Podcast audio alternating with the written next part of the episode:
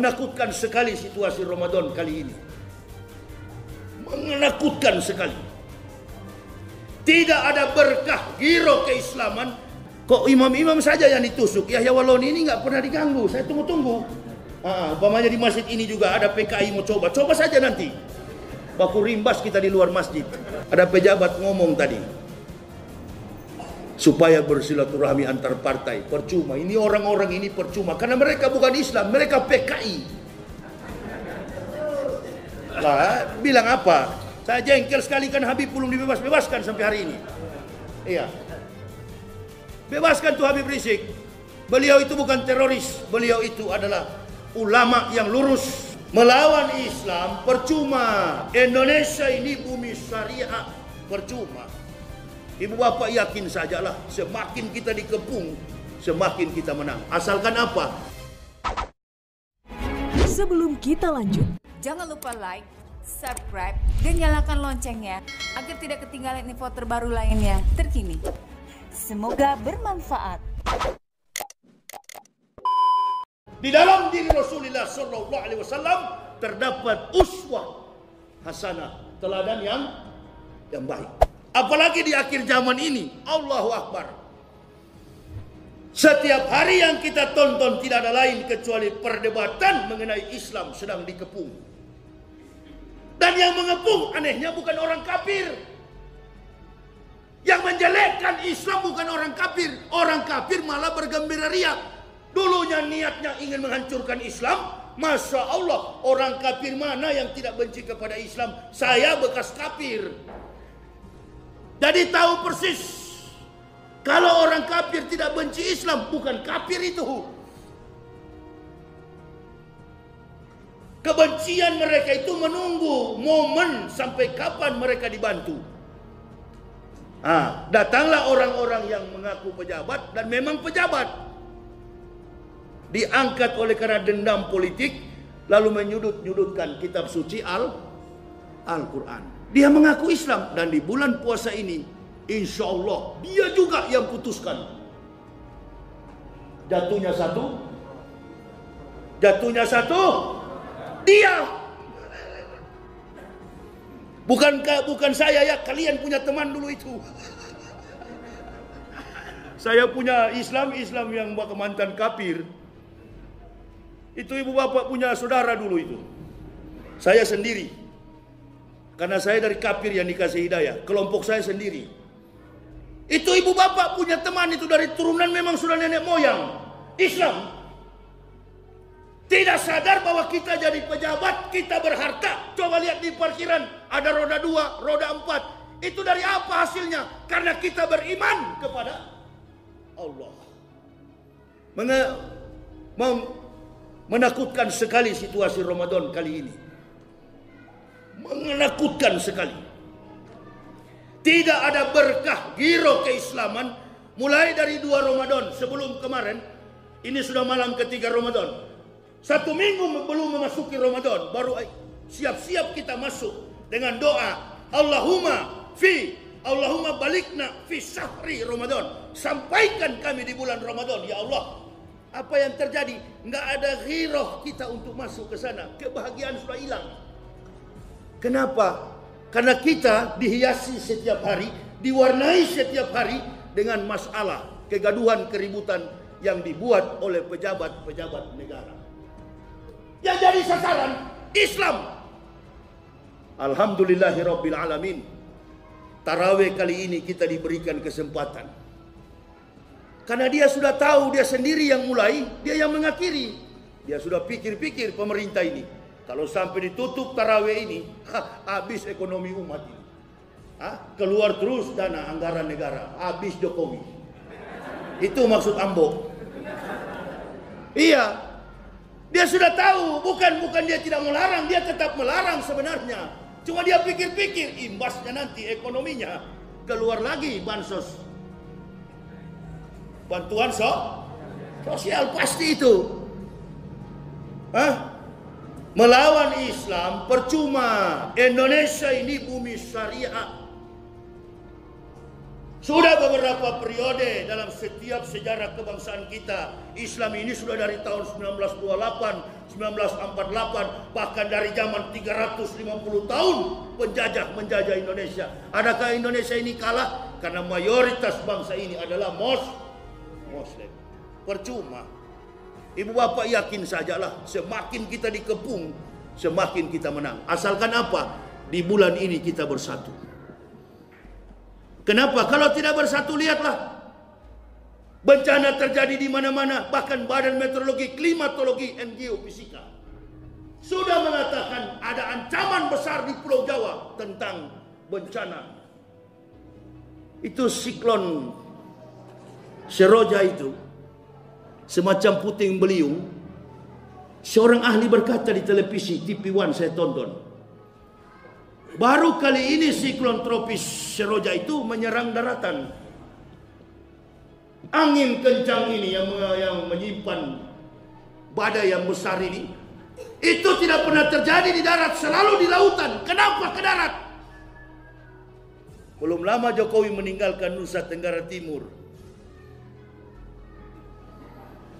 Kul amarah Robi Bilqis wa akimu wujuhakum inda kulli masjidil wad'uh. Muhlisina lahuddin kama ba'da akum ta'udun. Kata Allah Qul amara Rabbi bil qis. Qis itu keadilan.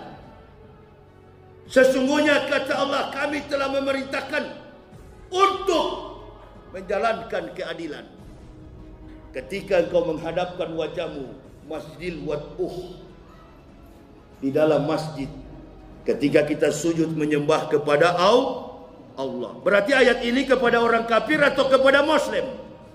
Kepada Muslim. Jokowi dan Pak Maruf itu Islam atau kafir? Islam. Kalau dia bukan Islam tidak jadi presiden. betul apa betul? Nggak bakal jadi, Wi. Karena dia beragama Islam, maka dia jadi pre. Yang memberi amanah adalah umat mayoritas Muslim. Begitu. Jadilah dia. Begitu dia jadi kata Allah cuma satu. Berbuat adil. Sebagaimana Allah telah menciptakanmu. Demikian kamu akan kembali kepada Allah. Nah ini. Kita tidak tahu sesuatu yang paling pasti dalam kehidupan kita. Kata Imam Syafi'i. Bertanya kepada murid-muridnya. Apa yang paling dekat dengan kita? Wahai santri-santri, murid-muridku. Ada yang menjawab anak, istri, suami, tetangga. Kata beliau, betul semua jawaban kalian. Tapi yang aku maksudkan yang paling dekat dengan kita adalah mati. Apa yang paling jauh dengan kita? Ada yang menjawab al-buruj, tata surya, atmosfera bumi, lapisan antara langit dan bumi, ada yang menjawab tata surya, bintang-bintang, bulan, matahari, kedalaman laut. Betul semua, kata Imam Syafi'i. Tapi yang aku maksudkan, yang paling dekat dengan kita adalah masa lalu. Ditambahkan itu di dalam kitab ah, Ihya Ulumuddin oleh Abu Hamid atau Al-Imam Al-Ghazali. Ditulis Allah perintahkan dua malaikat menjemput dua makhluk manusia. Satu bergelar raja, satu bergelar ahli ibadah. Ini kita simpan per, permasalahan ini menjadi bekal kita berjalan selama Ramadan. Jadi penguat dalam kehidupan kita. Mau tahu apa kita? Entah saya pribadi atau di antara ibu bapak. Begitu kita keluar masjid tiba di rumah, belum sampai sahur subuh nanti sudah dipanggil oleh malah ikat maut. Itu yang paling pasti dalam kehidupan kita. Itu yang paling dekat. Mengingat-ingatkan kepada pejabat-pejabat kita. Sudah terlalu lebar kejoliman yang terjadi di negara ini. Di bulan Ramadan ini. Ada pejabat ngomong tadi supaya bersilaturahmi antar partai. Percuma. Ini orang-orang ini percuma karena mereka bukan Islam, mereka PKI. Lah, bilang apa? Nama-nama Islam.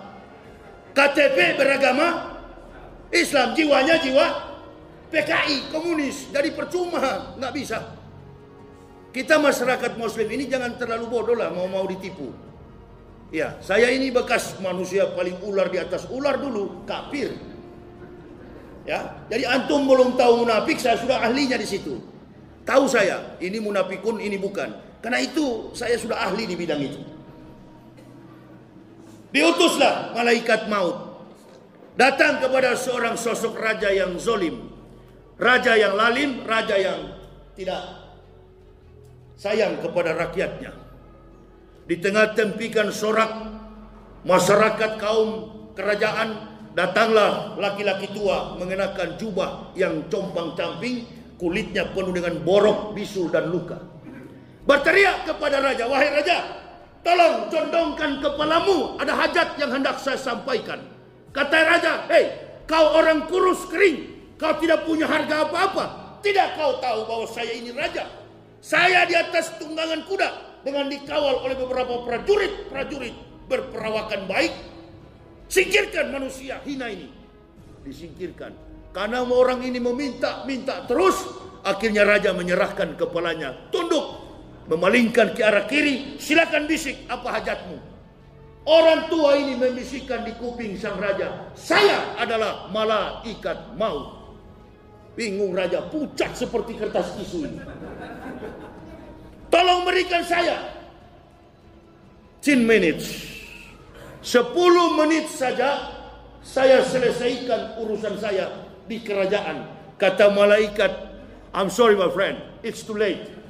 Sudah terlambat kawan. Tumbang dari atas kuda. Mati dengan cara sekejap mata.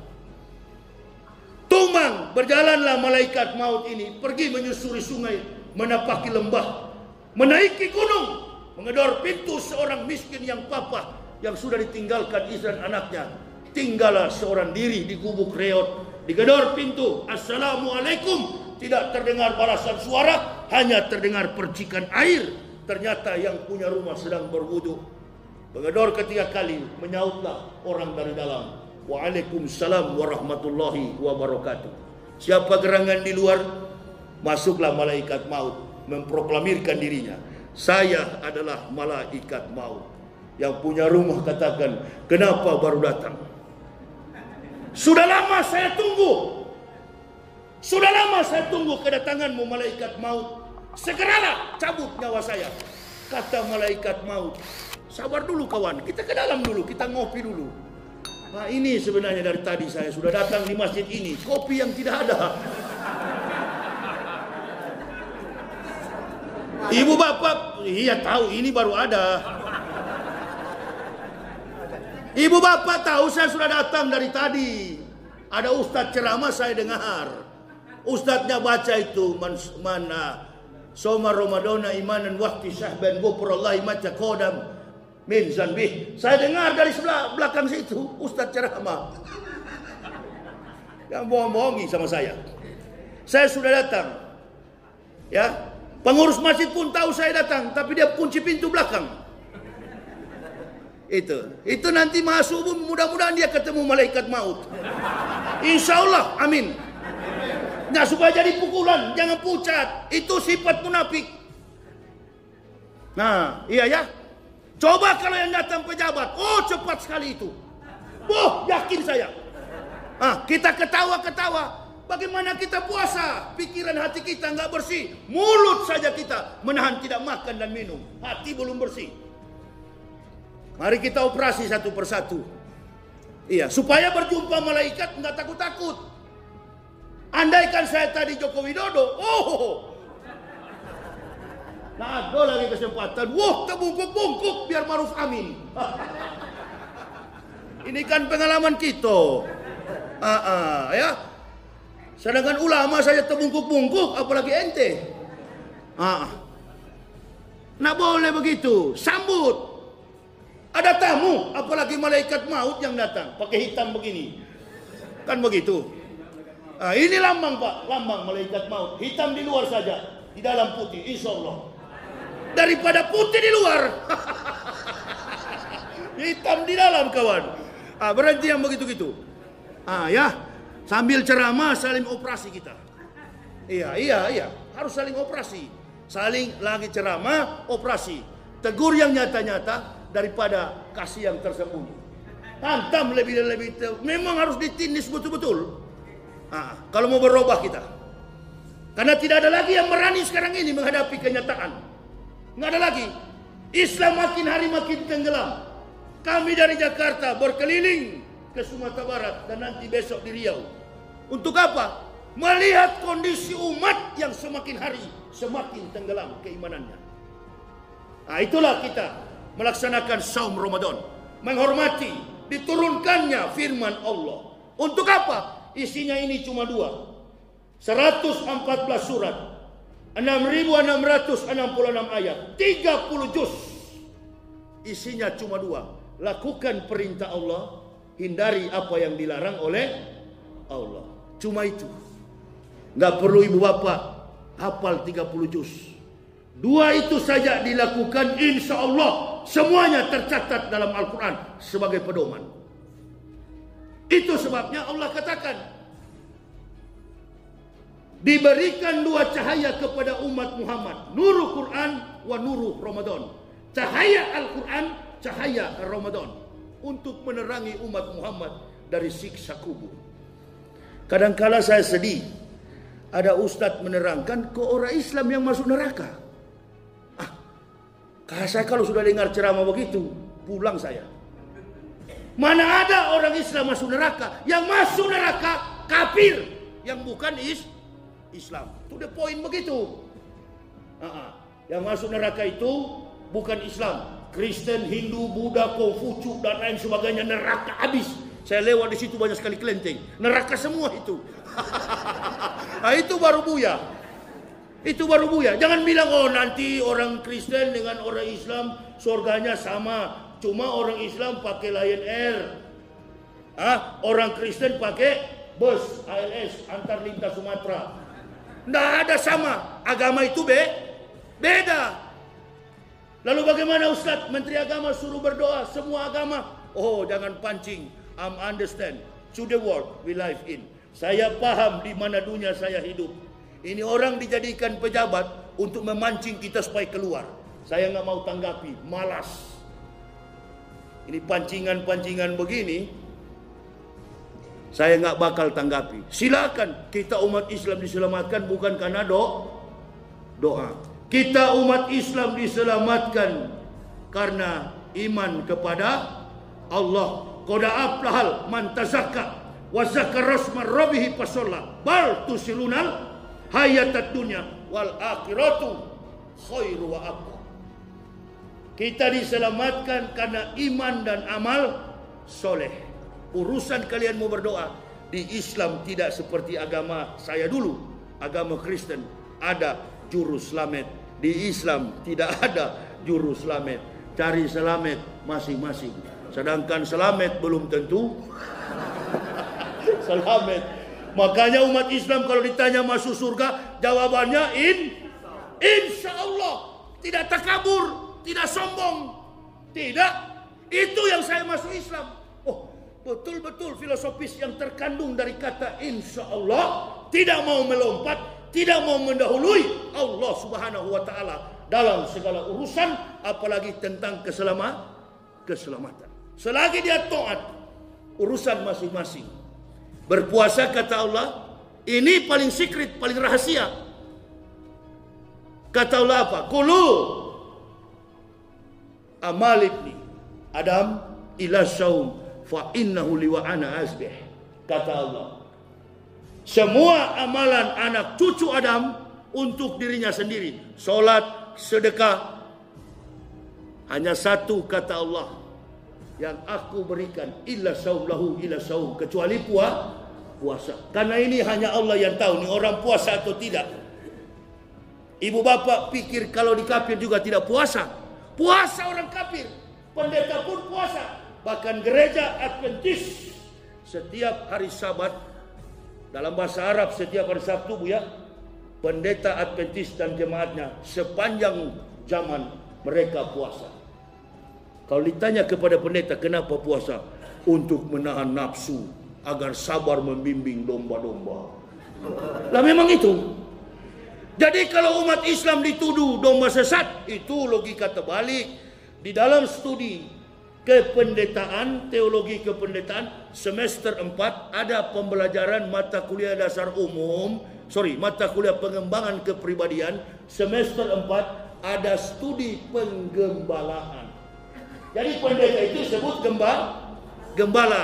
Berarti domba-dombanya siapa? Umat Kristen. Nah ini mualaf mesti jelaskan. Tidak ada ada jemaah bilang Ustadz kami dituduh domba sesat. Matius 15 ayat 24 jawab Yesus aku diutus hanya kepada domba-domba yang sesat dari Bani Is Israel. Jadi domba sesat itu pertama Bani Israel. Kedua, orang yang mengikuti jejak Bani Israel, agama Kris Kristen. Jadi kita bukan domba sesat, kita adalah orang-orang yang diselamatkan karena i, iman. Ibu bapak dan saya tidak luput daripada dosa. Semua umat Islam tidak luput dari dosa. Hanya satu yang dijamin dosanya diampuni dan dijamin masuk surga. Rasulullah Muhammad Sallallahu Alaihi Wasallam. Di Ramadan beberapa tahun lalu, komentator TV tanya kepada Pak Quraisy Shihab, ahli tafsir, Prof, betulkah Nabi Muhammad sudah dijamin dihapus, diampuni dosa-dosanya dan dijamin masuk surga? Eh, eh, eh, belum, belum tentu. Ah, ah. Nah ini, ini ada Muslim yang omong kosong yang tidak tahu ini, tidak tahu tentang hal ini, mau melawan sama saya, mau ajak berkelahi. Allahu Akbar. Ini Yahya Waloni ini dari kecil umur begini memang sudah petarung. Hah? Cuma belum ketemu lawan aja sekarang. Oh iya, iya, iya, ah, ah, ya. Mm -mm. Tidak mungkinlah berani tanpa ada pukulan, kan begitu. Orang Manado itu kan mempelajari tiga aspek kalau laki-laki. Yang pertama, laki-laki Manado itu harus kaya dengan pengetahuan filsafat. Yang kedua, tahu masak, tahu memasak. Kenapa? Kalau binimu sakit, kau bisa memasak. Ah, yang ketiga bisa bela diri. Ah, kok imam-imam saja yang ditusuk? Yahya Waloni ini nggak pernah diganggu. Saya tunggu-tunggu. Ah, umpamanya di masjid ini juga ada PKI mau coba, coba saja nanti. Baku rimbas kita di luar masjid. Iya ya. Nah, atau sementara ceramah begini, coba-coba tikam. Ah, ku angkat meja ini ku tindis, jamaah jangan bela. Nah, memang harus begitu. Harus begitu sebagai ustaz. Jangan nanti ah, kita tidak boleh melawan. ini Allahu Akbar. Eh, saya ini Umar bin Khattab, Buya ini Abu Bakar. Semua pendawa itu sudah diberikan jiwa para sahabat.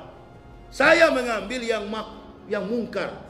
Metodologi dakwah itu kan dua, amar ma'ruf, nahi mungkar. Silakan yang mengambil ma'ruf. Buya tidak usah ambil yang mungkar karena wataknya Buya pengajar. Ustaz Somad jangan ke situ. Karena mereka di jalur yang ma'ruf. Mari yang mungkar-mungkar ini sedikit orang pilih jalan ke sana. Kebanyakan pilih yang ma'ruf dan terbukti. Ada yang jadi pengusaha, ada juga yang jadi wapres. Karena pilih jalan mak ma'ruf. Assalamualaikum. Ini singgung-singgung Pak Maruf. Kebetulan wapres kita nama Ma'ruf. Amin. Ada pakai amin, itu nggak pakai amin. Begitu. Pilih yang mungkar, sedikit orang ke situ, banyak ke Ma'ruf. Saya pikir-pikir masuk Islam kalau cuma ma'ruf, nggak usah masuk Islam, lebih di sana. Ini jalan yang kami tempuh, tidaklah mudah, ibu bapak. Jadi kami tahu silsilah diturunkannya kitab-kitab para nabi. Kemudian setelah Taurat Allah berikan, 500 tahun setelah Taurat Allah turunkan Jabur Daud. Dalam bahasa Ibrani kitab ini disebut dengan Mesmor. Masmur atau nyanyian puji-pujian David, Daud. Kenapa disebut Mazmur? Kenapa disebut nyanyian puji-pujian? Karena nabi yang pandai bermain alat musik, gambus dan kecapi, pandai menari-nari adalah Nabi Daud. Orangnya tidak terlalu besar, perawakannya Tetapi setiap kali dalam pertempuran Daud dikenal sebagai raja nabi yang tidak pernah kalah dalam pertempuran. Setiap kali berperang menang dan setiap menang dalam peperangan Daud ini pandai memuji Allah Subhanahu wa taala. Nah, ini Kristen pakai di gereja pakai band yang sekarang Ustaz. Kacau, kafir, kafir. Allahu Akbar. Eh, Daud punya gambus dan kecapi tidak seperti band yang sekarang. Begitu. Dia memuji Allah Jalla Jalalu Rabbul Alamin yang disembah oleh Nabi Adam dan semua nabi dan sekarang ini disembah umat is Islam. Taurat Jabur diturunkan setelah Jabur malam ke-6 diturunkan malam ke-12 Jabur Daud, malam ke-18 1200 tahun setelah Jabur Allah Subhanahu wa taala turunkan Injil Isa alaihissalam malam ke-18.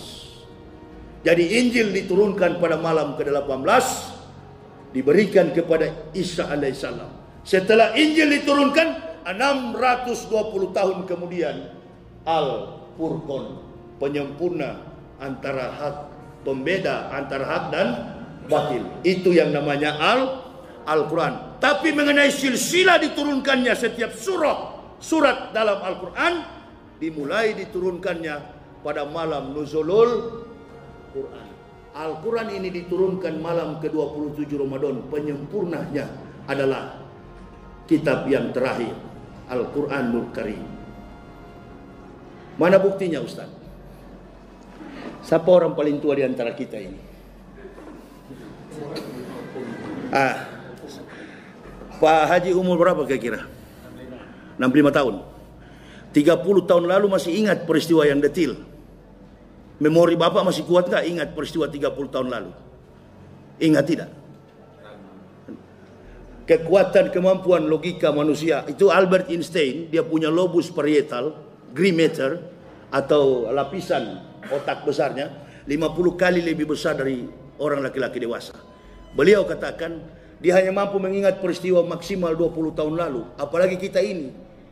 Ah, tidak kuat kita mengingat peristiwa yang lalu. Paling maksimal 20 tahun. Kalau Nabi Muhammad bukan Nabi maksud saya. Bagaimana mungkin dia tahu rahasia tentang Isa Al-Masih yang 576 tahun dan Musa alaihissalam 4076 tahun. Karena Isa dengan Musa 3500 tahun. Musa dengan Isa 3500 tahun. Isa dengan Nabi Muhammad 576 tahun. Rentang waktu 4076 tahun. Siapa yang memberitahukan kepada Nabi Muhammad? Beliau adalah satu orang yang tidak pernah mengecap pendidikan for formal. Apakah ini merupakan desertase? Sudah banyak hamparan sejarah-sejarah desertase para ahli, para doktoral di dunia, program doktoral. Setiap desertase tidak mampu bertahan 10 tahun. Terjadi pergeseran nilai dalam kemampuan intelektual manu, manusia. Nah Al-Quran pernah berubah nggak? Referensi dari mana Nabi Muhammad ambil? Kalau desertasi dibuat, dia menggunakan rujukan referensi. Dia mencari beberapa pikiran para ahli, kemudian menyusun sebuah desertasi temuan. Tapi Al-Quran mencatat peristiwa yang pernah, sementara, dan akan terjadi. Masihkah orang kafir tidak percaya ini wahyu? Yang kedua, ada pembatasan masalah antara Semit Selatan, Semit Timur. Kenapa saya sebut Semit? Karena dari berangkat dari historik Nabi Nuh punya anak Sem, Ham, and Yafet. Sem itu adalah orang-orang yang ada kulit putih, tulang besar, mata hijau dan biru di Eropa, Amerika. Ham itu adalah orang Timur Tengah. Yafet itu adalah orang kecil bermata sipit, berkulit putih, hidup di Asia. Kita kalau kita melihat dari pembatasan masalah, apakah Rasulullah sampai kepada miksapel, lemari besi, tempat penyimpanan kitab para nabi yang disembunyikan oleh Yahudi? Enggak. Mereka tidak memberikan kesempatan bahkan Nabi berumur 8 tahun ketika datang di Urus Salimah, dia datang di Yerusalem. Ahli kitab Bukhairo berkata, Abu Talib, singkirkan ponakanmu ini Karena kalau dilihat oleh Yahudi, pasti anak ini akan dibunuh. Dari umur 8 tahun, ahli kitab, pendeta terkemuka di Yerusalem, Bukhaira, sudah merisalahkan ini Nabi kita Muhammad Sallallahu Alaihi Wasallam cikal bakal menjadi Nabi di kemudian hari. Disingkirkan oleh Abu Talib. Dan mulai saat itu, tidak lagi dibawa berniaga Rasulullah Sallallahu Alaihi Wasallam. Kenapa? Sampai Bukhaira tahu. Karena setiap Nabi berjalan, awan mengikutinya. Ke kanan awan ikut, ke kiri awan ikut. Inilah cikal bakal Nabi yang kami tunggu-tunggu menurut penggenapan Taurat dan kitab Musa. Kalau ini buatan Nabi Muhammad tidak mungkin sampai sekarang masih ada. Sastra yang terkandung di dalamnya kaya dengan penemuan sejarah. Sastra yang terkandung di dalamnya kaya tentang sains dan teknologi. Mana ada profesor mampu membuat buku disertasi seperti Quran menyimpan banyak sekali rahasia sains, ilmu pengetahuan dan teknologi. Makanya yang masuk Islam dari kafir hanya orang-orang cerdas, matematikawan, fisikawan, astronot, businessman, atlet, artis yang ada di Eropa dan Amerika. Tahu antum Ustaz, perkembangan Islam sekarang ini luar biasa di Eropa dan Amerika. Sudah 2 miliar lebih umat Islam di dunia Tadi tadinya cuma 1,5 miliar, 1,7 miliar.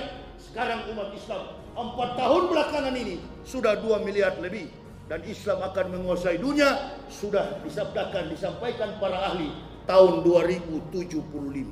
Allahu Akbar. Sabar saja ibu bapak. Ini yang kepung kita ini bisa dihitung dengan jari. Mereka dilihat kuat, Orang-orang kafir yang mengepung, yang sakit hati kepada Islam, kepada ustadz-ustadz, kepada mubalik, ini mereka terlihat kuat karena didukung oleh kaum munaf, munafik. Nah ketergantungan munafik ini hanya periode kepresidenan Jokowi Ma'ruf. Dua tahun lagi Jokowi Ma'ruf turun. Ke mana kau munafik? ya. Ha. Oh tangkap katanya Yahya Waloni dan segala macam itu. Oh, oh, jangankan penjara kawan. Sedangkan mati kami sudah siap, apalagi penjara. Hah? Antum berani karena di pihak penguasa. Kalau berani, jangan di pihak penguasa. Keluar dari pihak penguasa. Makanya ibu bapak saya selalu sarankan, kita jangan mau diadu domba dengan apa? Aparat TNI dan Polri. Jangan mau, jangan mau. Karena itulah kekuatan kafir dan munafik. Itu teknik saya ke mana-mana sendiri. Wah dipitnah bisa-bisan. Yahya Waloni kena covid. Didorong pakai kursi apa di rumah sakit itu? Blangkar. Begini terkapar seperti monyet saya di. Padahal itu rekaman dari India itu. Istri saya bilang ini pak kamu dihina. Ah saya bilang sabar. Coba kau lihat tangannya. Tangannya itu hitam. Tangan saya putih. Itu tangannya kau lihat. Selektif kau melihat. Iya ya betul. Eh tangan saya putih, tak itu hitam. Begitu lihat lebih dekat di, di apa? Krum. Dilihat begini, masya Allah orang India. oh ya ya Waloni dari India. Ya betul, satu bapak dua ibu kami. Tiga kakek, enam, enam nenek. Begitu ya. Hah, saya balas, saya bikin video. Eh kafir, eh munafik. Alhamdulillah. Kafir saja sehat, apalagi us, Ustad. Olok. Eh, besok dia bikin lagi. Yahya Waloni ditangkap dibubarkan pengajiannya. Innalillahi. Hampir 15 tahun ambo ceramo. Tak ada yang ganggu. Coba-coba ganggu. Ah, ah, ini besi semua ini. Mana tadi? Ah, ku ajari kepala biar siapa pun. Coba. Ah, ah, iya. Begitu ya. Kalau ustad-ustad lain ada yang ditangkap menyerah. Ah, kalau saya insya Allah. Insya Allah. Nanti dengar-dengar sajalah. Hmm. Ada yang memang mau cari mati, ada juga yang tidak cari mati. Tapi bunuh diri jangan. Amin ya Rabbal. Nah, bagaimana Ustadz yang bom-bom di sana sini itu? Ah, saya tidak mau komentar.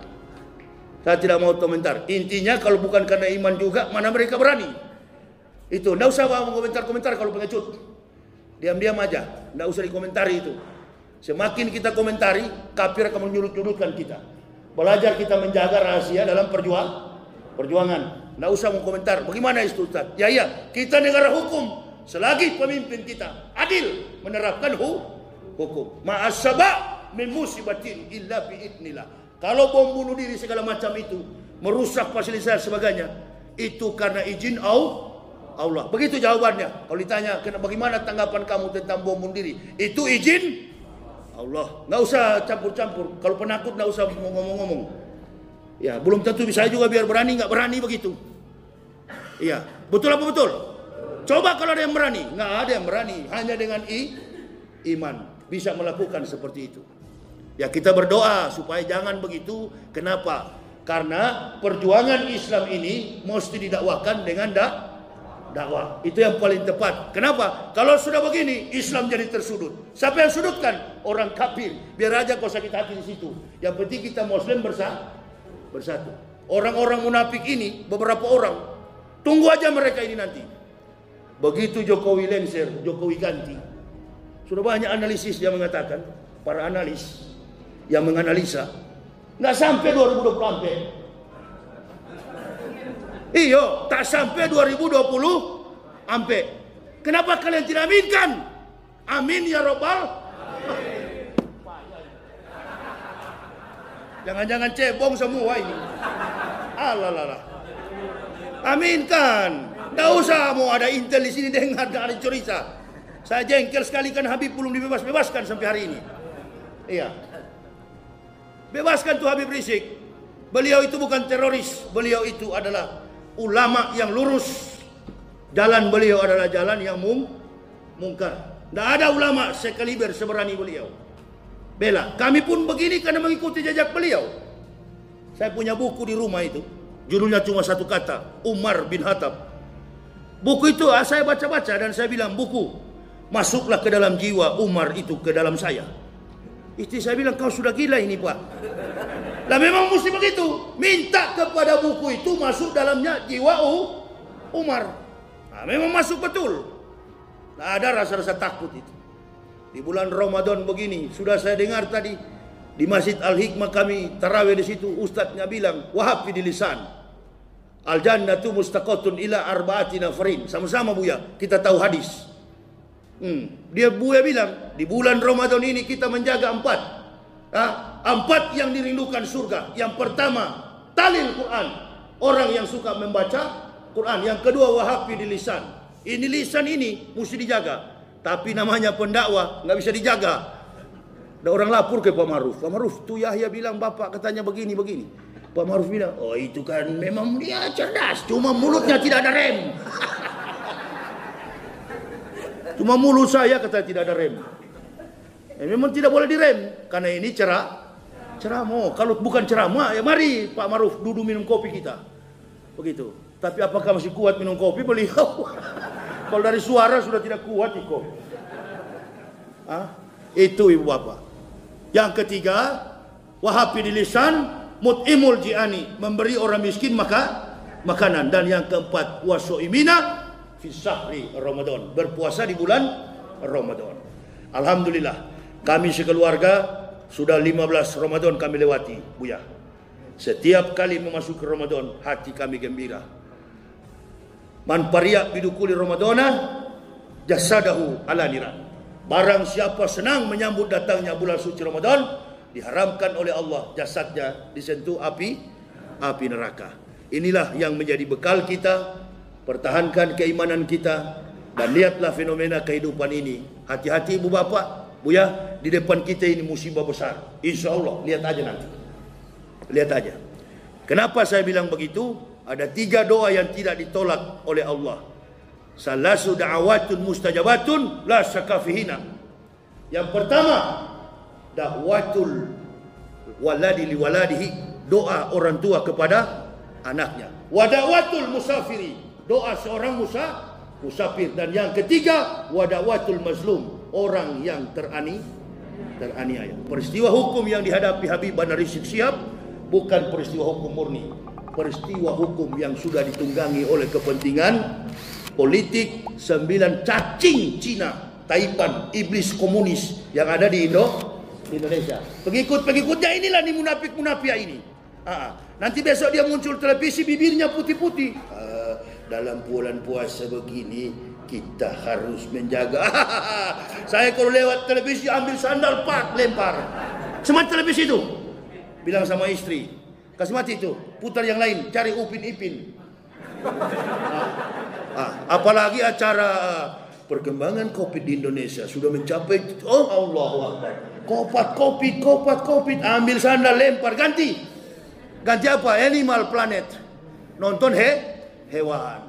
Ah, behavior animal. Karena kelakuan mereka juga sudah seperti hewan. Iya. iya.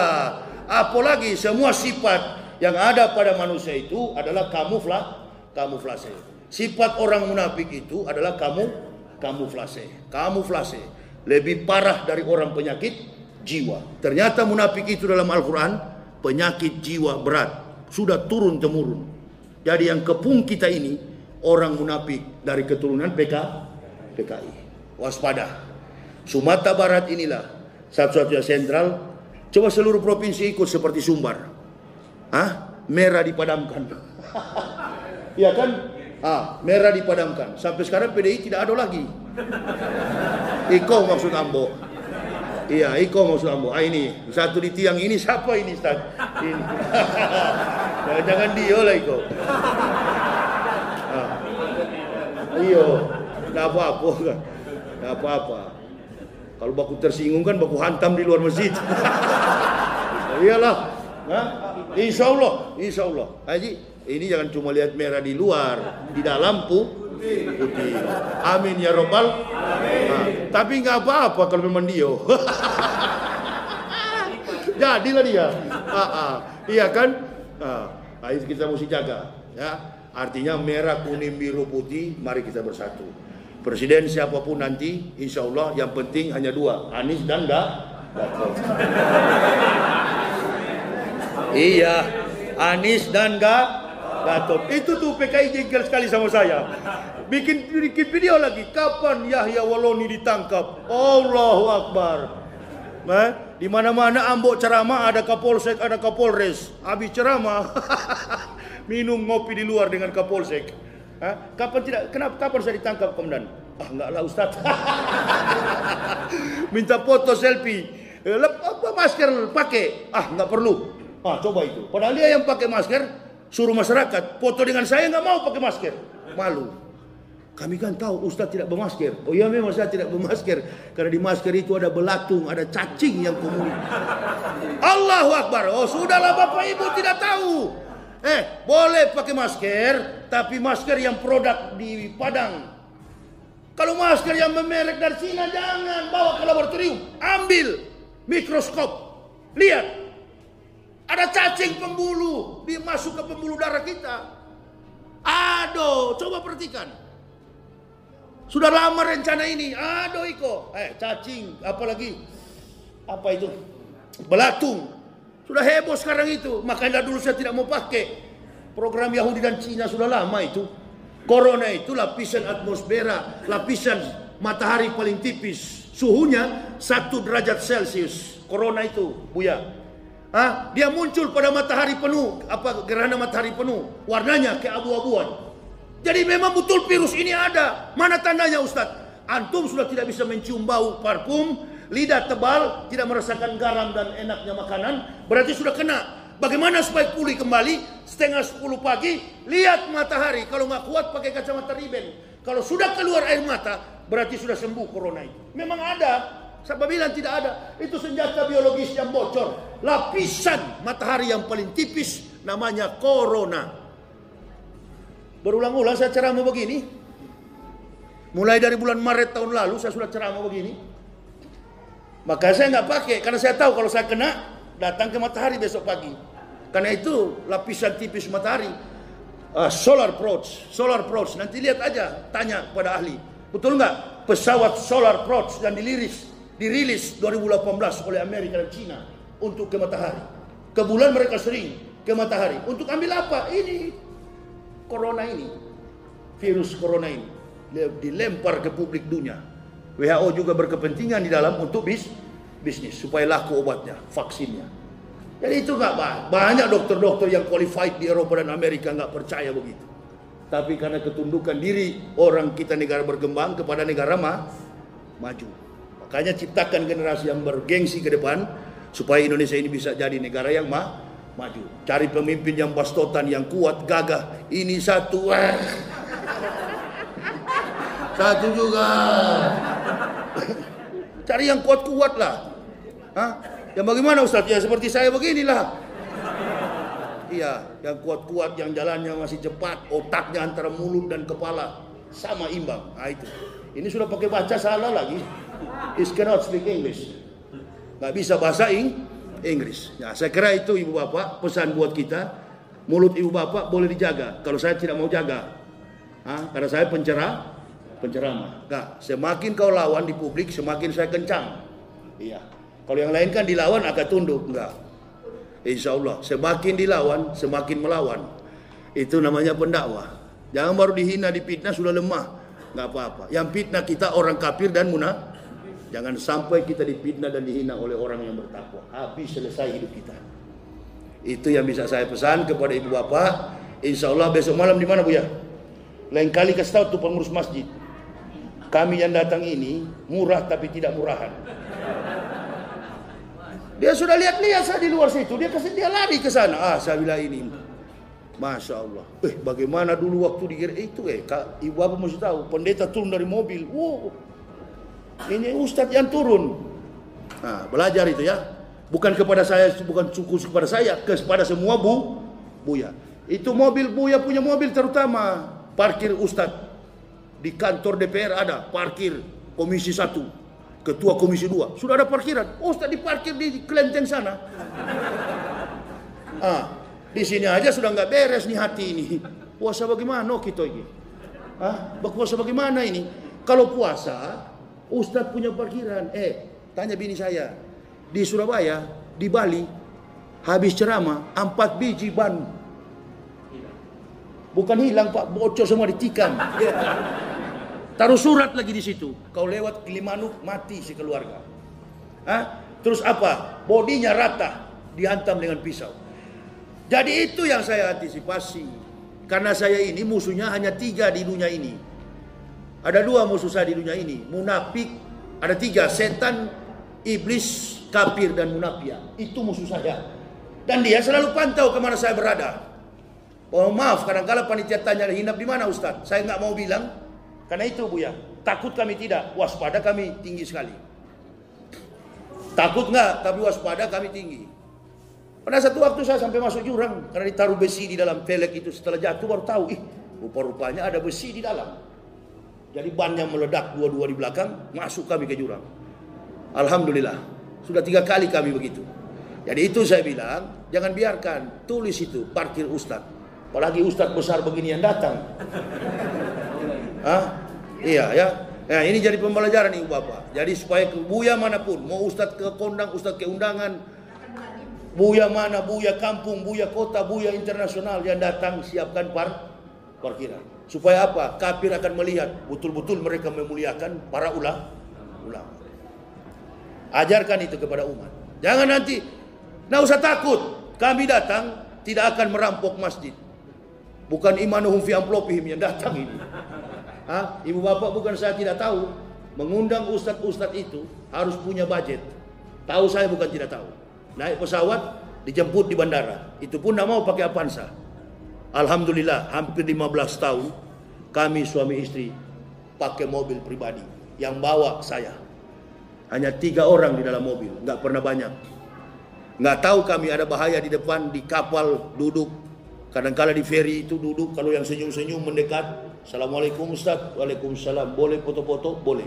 Tapi kalau yang tatap sudah ekstrim, ah, langsung mundur kursi pasang kuda-kuda. Berapa ronde kau mau? Mari. Iyo. Pasang kuda-kuda. Mari berapa ronde kita mau hajar di sini. Nah, artinya ibu bapak doakan kami supaya selamat. Amin. Itu kalau takut nggak kami. Setiap saat kami berhadapan dengan mereka di atas kapal. Mau lari ke mana? Laut di sebelah. Ya, makanya hanya doa yang selalu kami minta kepada jemaah. Itulah yang bisa saya sampaikan. Besok malam, malam di mana Bu ya? Masjid As Askurun, Periaman. Di bypass Masjid Askurun. Tadi juga bagus itu di masjid satu waktu nanti tahun depan lah di Masjid Al Hakim. Insya Allah bisa itu. Masjid Al Hakim itu besar tadi. Ya, Nah, tapi ini juga mantap lampunya iki. Nah, kayak lampu apa ini ya? Ini tempat orang ngopi ini bagus. Siapa yang rancang ini? Jangan biru beginilah. Hijau bagus, iya. Hijau. Ya, ini apa namanya? Saran. Kalau biru begini ingat di tempat ngopi ini. Iya. Ya. Oh, pantas, pantas. Biasa ke kafe ketua masjidnya. Jadi ganti hijau. Nah, ini cuma pesan aja Ibu Bapak saya begini memang orangnya, tipenya begini dan tidak mau saya robah sampai masuk ke liang kubur, nak akan saya robah. Ah, saya pernah bilang sama bini anak, eh kita sudah Islam sekarang, tiga hal saya bilang sama kalian. Pertama, jangan tinggalkan sholat lima waktu. Yang kedua, jangan pencuri barang orang, jangan memiliki barang orang lain. Dan yang ketiga, jadilah dirimu sendiri dan jangan menjadi diri orang orang lain. Apa pun kapasitas dirimu, penjahat atau pejabat, jadi pejabat jangan berhati penjahat. Jadi penjahat, jangan coba-coba berhati peja, pejabat. Nah ini yang terjadi sekarang. Penjahat jadi peja, pejabat. Pejabat jadi penjahat. Ini yang sekarang sedang kita hadapi. Penja, pejabat jadi penja, penjahat. Penjahat jadi pejabat. Nah itu saya pesan sama anak istri saya. Kau jadi penjahat, penjahat betul-betul. Total penjahat. Kau jadi pejabat, pejabat betul-betul. Jangan berhati penjahat. Itu.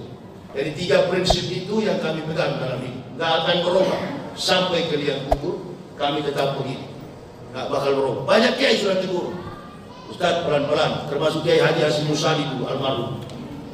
Nah coba kalau ceramah volumenya agak ditekan. Kita hidup bernegara jadi agak tekan volumenya. Saya bilang sudah lah Pak Kiai. Pak Kiai sudah pernah ke neraka saya yang pernah ke neraka jadi tahu jalan ke sana.